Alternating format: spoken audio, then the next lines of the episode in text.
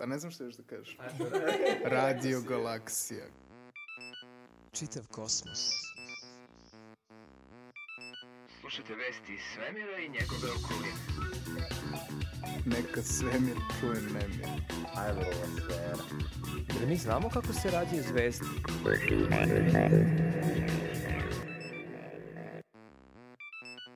Slušate naučni megafon. Naučne vesti Radio Galaksije.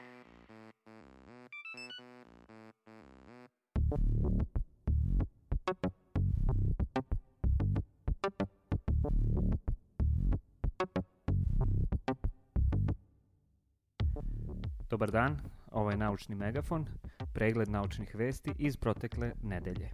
Emisiju priprema redakcija Radio Galaksije, internet radio stranice posvećene nauci i filozofiji nauke. Dobar dan i od mene i dobrodošli u sedmi naučni megafon.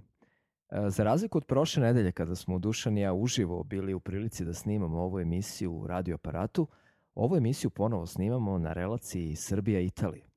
Za razliku od nekih e, prethodnih epizoda, ova će biti pomalo specifična po tome što će u njoj biti manje vesti, ali ćemo zato detaljnije objasniti i obraditi dve veoma aktuelne teme. Jedna je budućnost svemirskih istraživanja s upravo završene velike konferencije koje se održala u Sjedinim američkim državama, dok je druga tema vezana za edukaciju i tiče se senzacionalizma u izveštavanju o nauci.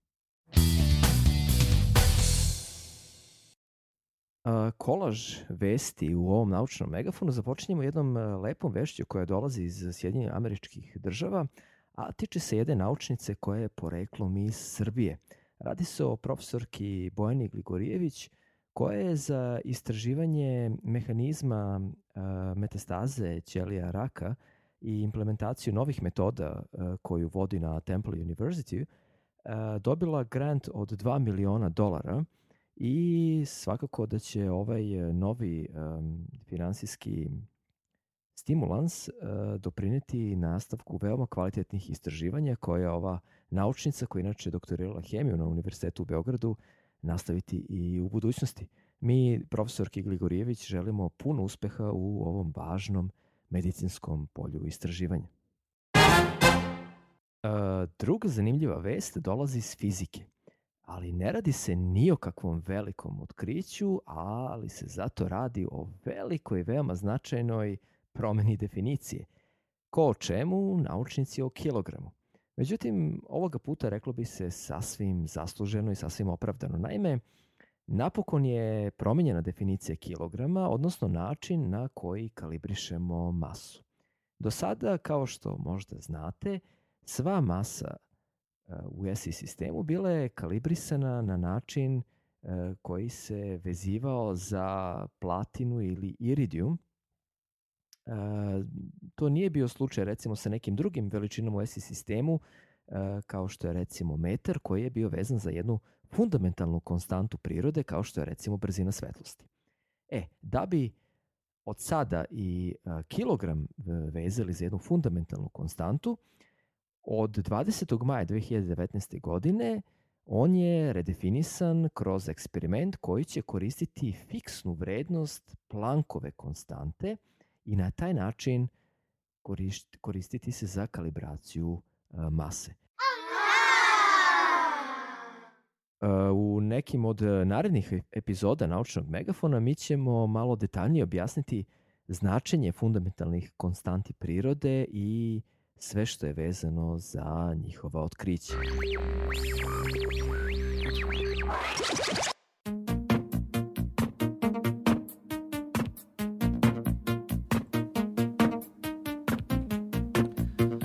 Ove godine imamo jedan interesantan jubilej istraživanja svemira.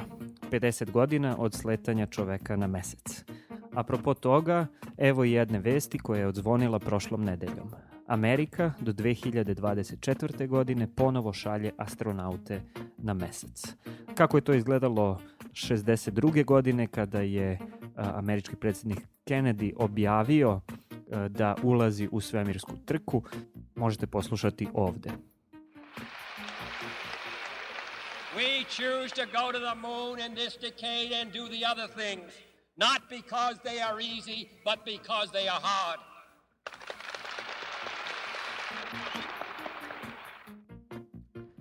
A kako to izgledalo prošle nedelje kada je potpredsednik Sjedinjenih američkih država Mike Pence objavio to isto, poslušajte.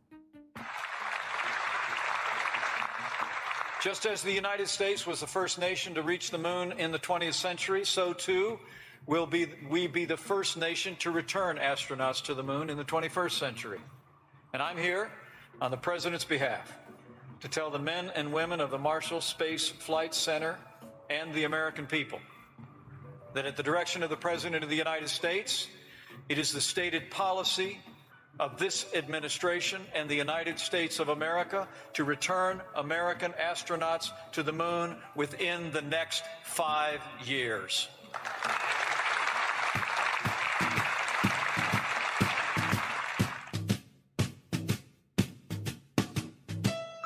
Fly me to the moon. Let me play among the Nalazimo se u trci za svemir kao što smo bili i 60. godina prošlog veka, izjavio je Mike Pence, potpredsednik Sjedinjenih američkih država. Vreme je za novi džinovski skok, rekao je na sastanku National Space Councila u Huntsville u Alabami. U utorak 26. marta potpredsednik Sjedinjenih američkih država Mike Pence objavio je da Amerika planira sletanje američkih astronauta na mesec u narednih pet godina, to jest do 2024. godine. Izjavio je da je prvo u planu bila 2028. godina, ali da to ipak, kako je rekao, nije dovoljno dobro. Ako smo mogli da 60. godina tada po prvi put pošaljemo astronaute na mesec za 8 godina, sada moramo da smo u stanju da uradimo to u kraćem roku, rekao je Pence. Dakle, sada je zvanična politika da američki astronauti šetuju po površini meseca najkasnije 2024. godine.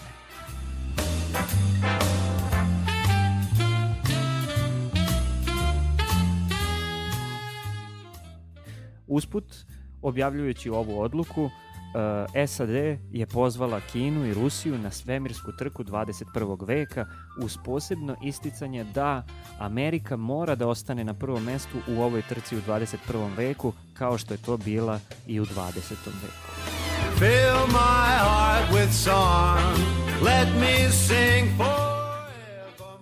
Od decembra 1972. godine nije bilo ljudi na mesecu. Poslednji čovek na mesecu bio je Gene Cernan i o tome možete više saznati u odličnom dokumentarcu pod istim tim nazivom Last Man on the Moon. I taj dokumentarac vam toplo preporučujemo.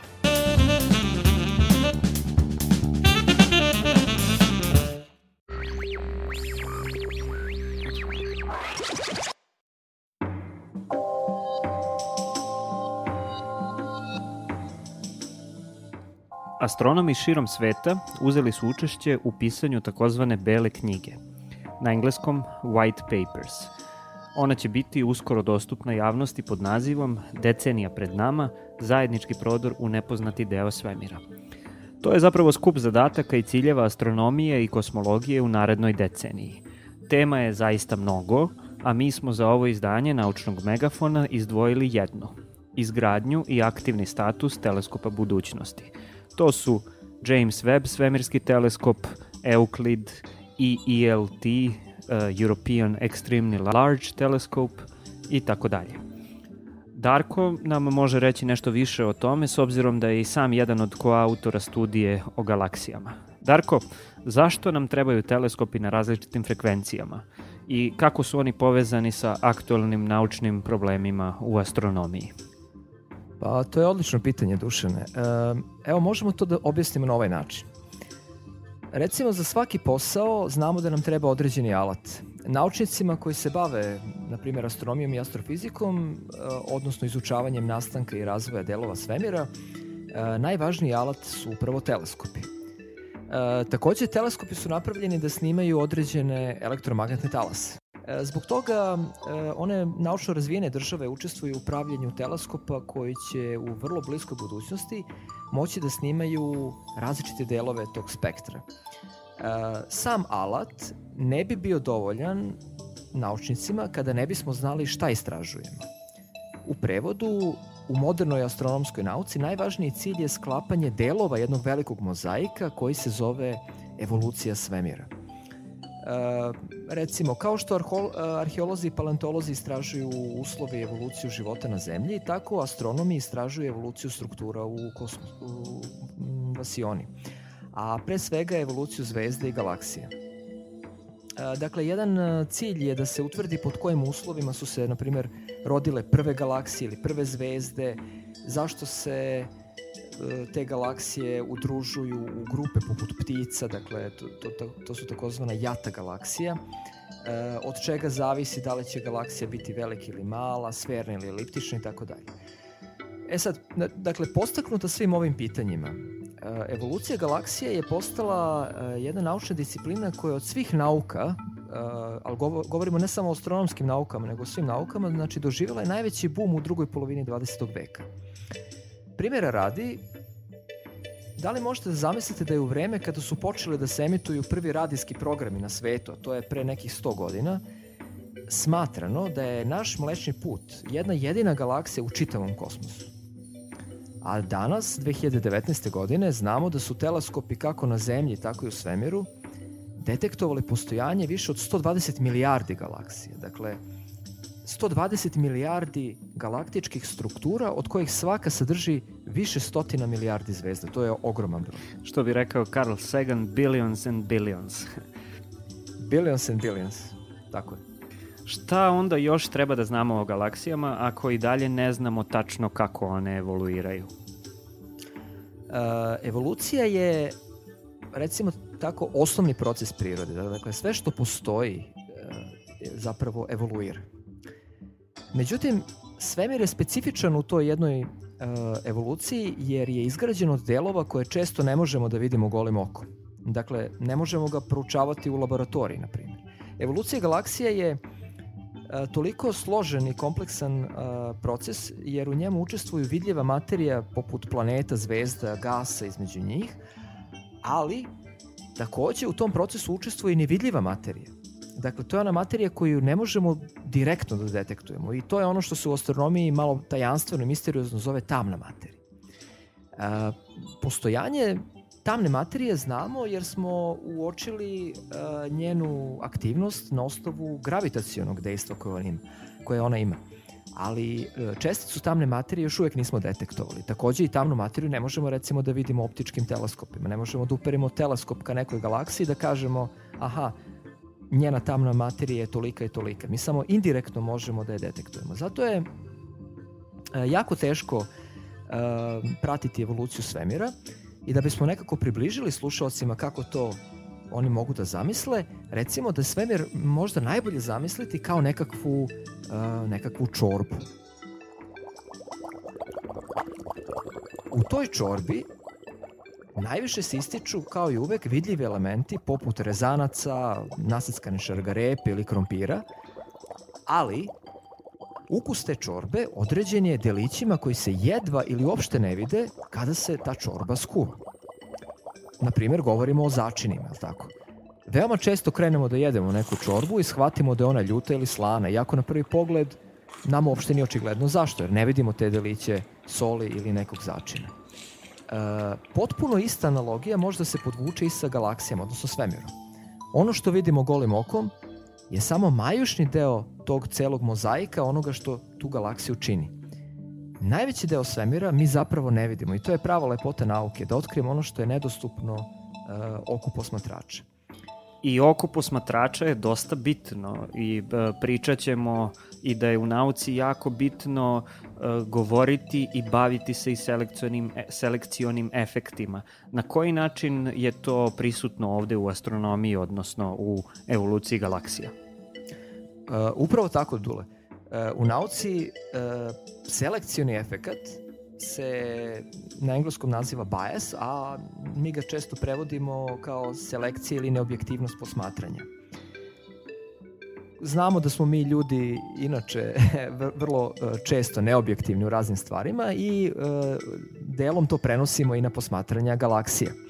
Recimo, neobjektivnost posmatranja je nešto što nas sprečava da odredimo razvoj, e, na primjer, svemira ili galaksije kao celine. Zašto? Pa za, zato što na osnovu elemenata koje najlakše vidimo, a to su oni elementi koji su najsvetliji, nije moguće rekonstruisati na koji način e, je svemir nastao i na koji način svemir, svemir evoluira. E, ako podvučemo jednu recimo analogiju sa onim što možemo da uradimo u svakodnevnom životu, to bi otprilike bilo kao sad recimo evo nastupit će uskoro i još lepše sunčanije vreme i mi možemo da izađemo na neko brdo izvan grada i ovaj, golim okom ili čak manjim teleskopom ili dvogledom posmatramo zvezde i galaksije. Međutim, mi ćemo videti samo one zvezde ili one galaksije koje su nam najbliže i najsjajnije. Međutim, u univerzumu danas znamo da je daleko, daleko više zvezde i galaksija koje su jako tamne, mnogo su malih masa, mnogo su malih veličina jedva su vidljive čak i onim najmoćnim, najvećim teleskopima uh, koje imamo danas, a recimo neki od tih teleskopa su ovaj čuveni svemirski teleskop Hubble ili najveći sistem uh, radioteleskopa na zemlji koji se naziva ALMA, koji se nalazi u Čileu. Kao neki zaključak uh, ove naše male priče vezano za vest o izgradnji teleskopa budućnosti, Neke od njih si ti pomenuo, to su, dakle, da ponovimo još jedan put James Webb koji će lansirati NASA, znači najveći teleskop, najskuplji projekat u istoriji astronomije, da dalje to je Euclid evropski teleskop i veoma veliki evropski teleskop. Dakle, na osnovu njih e, znaćemo da, iako znamo da je svemir star 14 milijardi godina, mi još uvek u ovom trenutku, dakle danas kada mi pričamo o ovoj emisiji, ne znamo koji je odnos tih malih i velikih, odnosno svetlih i tamnih galaksija i zvezda u svemiru. E, to je osnovni razlog zašto svi ovi teleskopi koje smo pominjali ti i ja nam trebaju u nauci.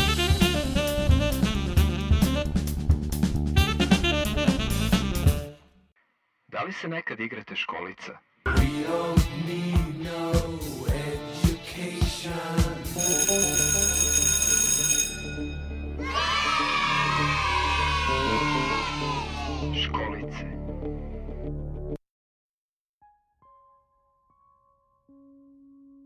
Pre izvesnog vremena jedna poznata američka teorijska fizičarka sa Princetona, Lisa Randall, objavila je knjigu veoma provokativnog naziva Dark Matter and Dinosaurs, u kojoj povezuje izumiranje dinosaurusa sa tamnom materijom, hipotetičkim oblikom materije koja u iznosu od 20% ispunjava naš univerzum. Knjiga je i zbog popularnosti same autorke, ali i zbog samog naslova, vrlo brzo dobila komercijalnu notu, recenzije, uglavnom vrlo hvalospevne, pisane su u značajnim novinama poput New York Times ili Scientific American. Međutim, nisu sve Lizine kolege bile previše oduševljene činjenicom da ova naučnica, koja svakako nije ekspert za dinosauruse, postulira rešenje tako važne teme za istoriju naše planete izvan naučnih magazina. Još više i još kritičnije na ovo se osvrnuo legendarni naučnik Freeman Dyson, objašnjavajući da hm, jedan fenomen nije potrebno niti realno objašnjavati nekim drugim fenomenom za koji još uvek nemamo eksperim eksperimentalnu potvrdu, kao što je to slučaj sa tamnom materijom.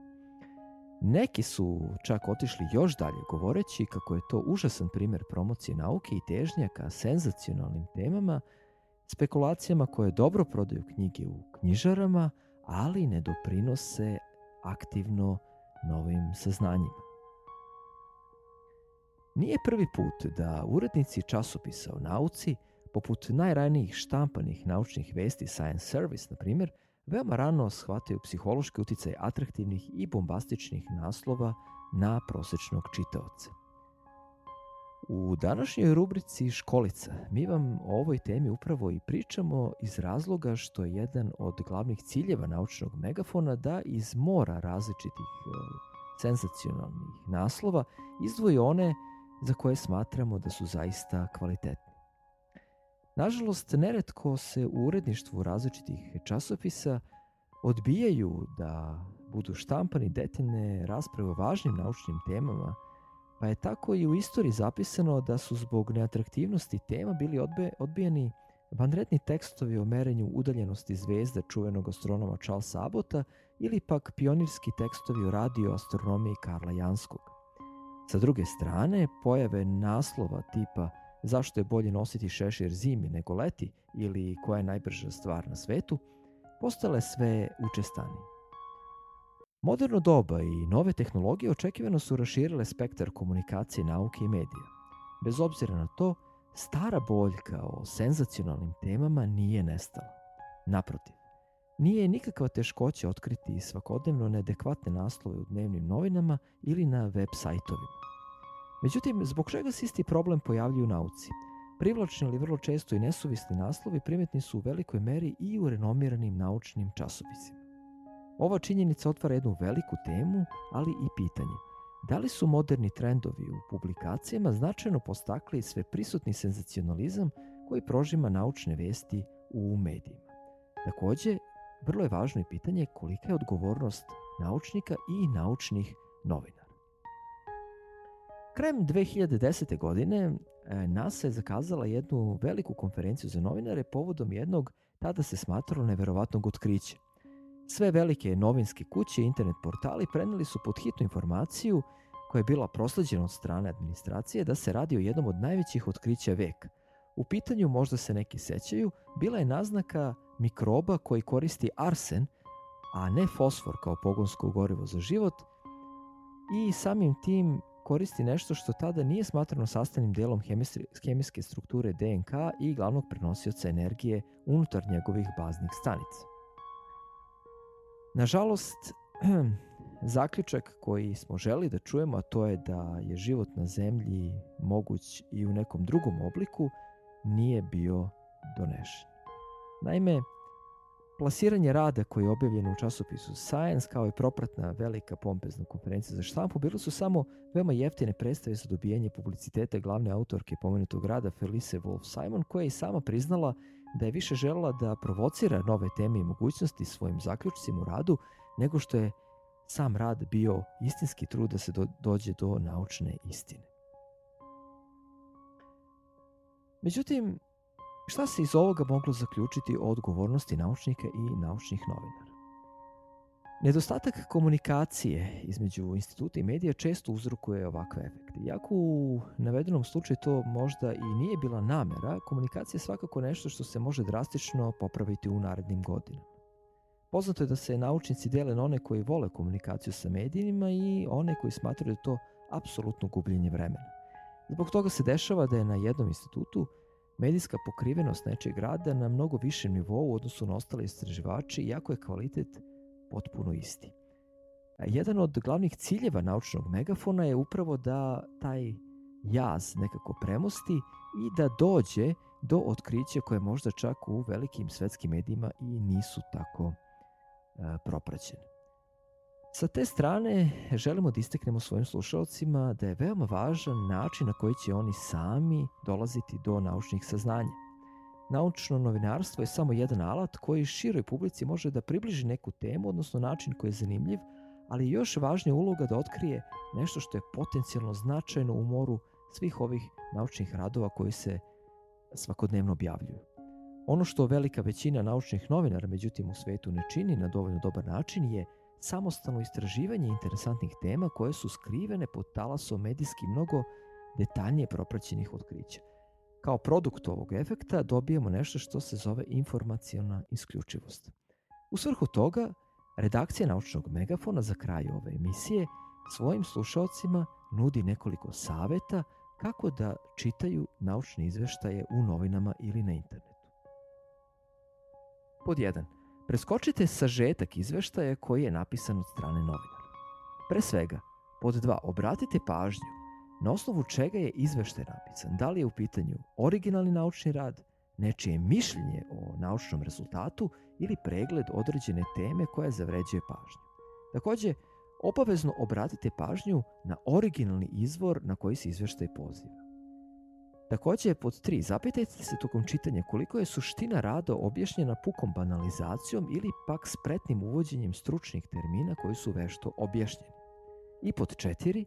Nakon čitanja samog teksta pokušajte da ispitate da li ste temu bolje razumeli i zapitajte se nekim, zapitajte se e, da li razumete sama pitanja kojima se taj tekst bavi.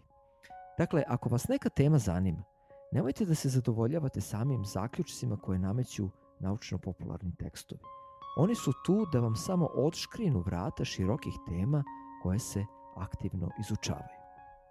Sa ovim malim mudrolijama redakcije naučnog megafona mi vam želimo prijatnu narednu nedelju i do narednog slušanja uživajte u svetu nauke i otkrića.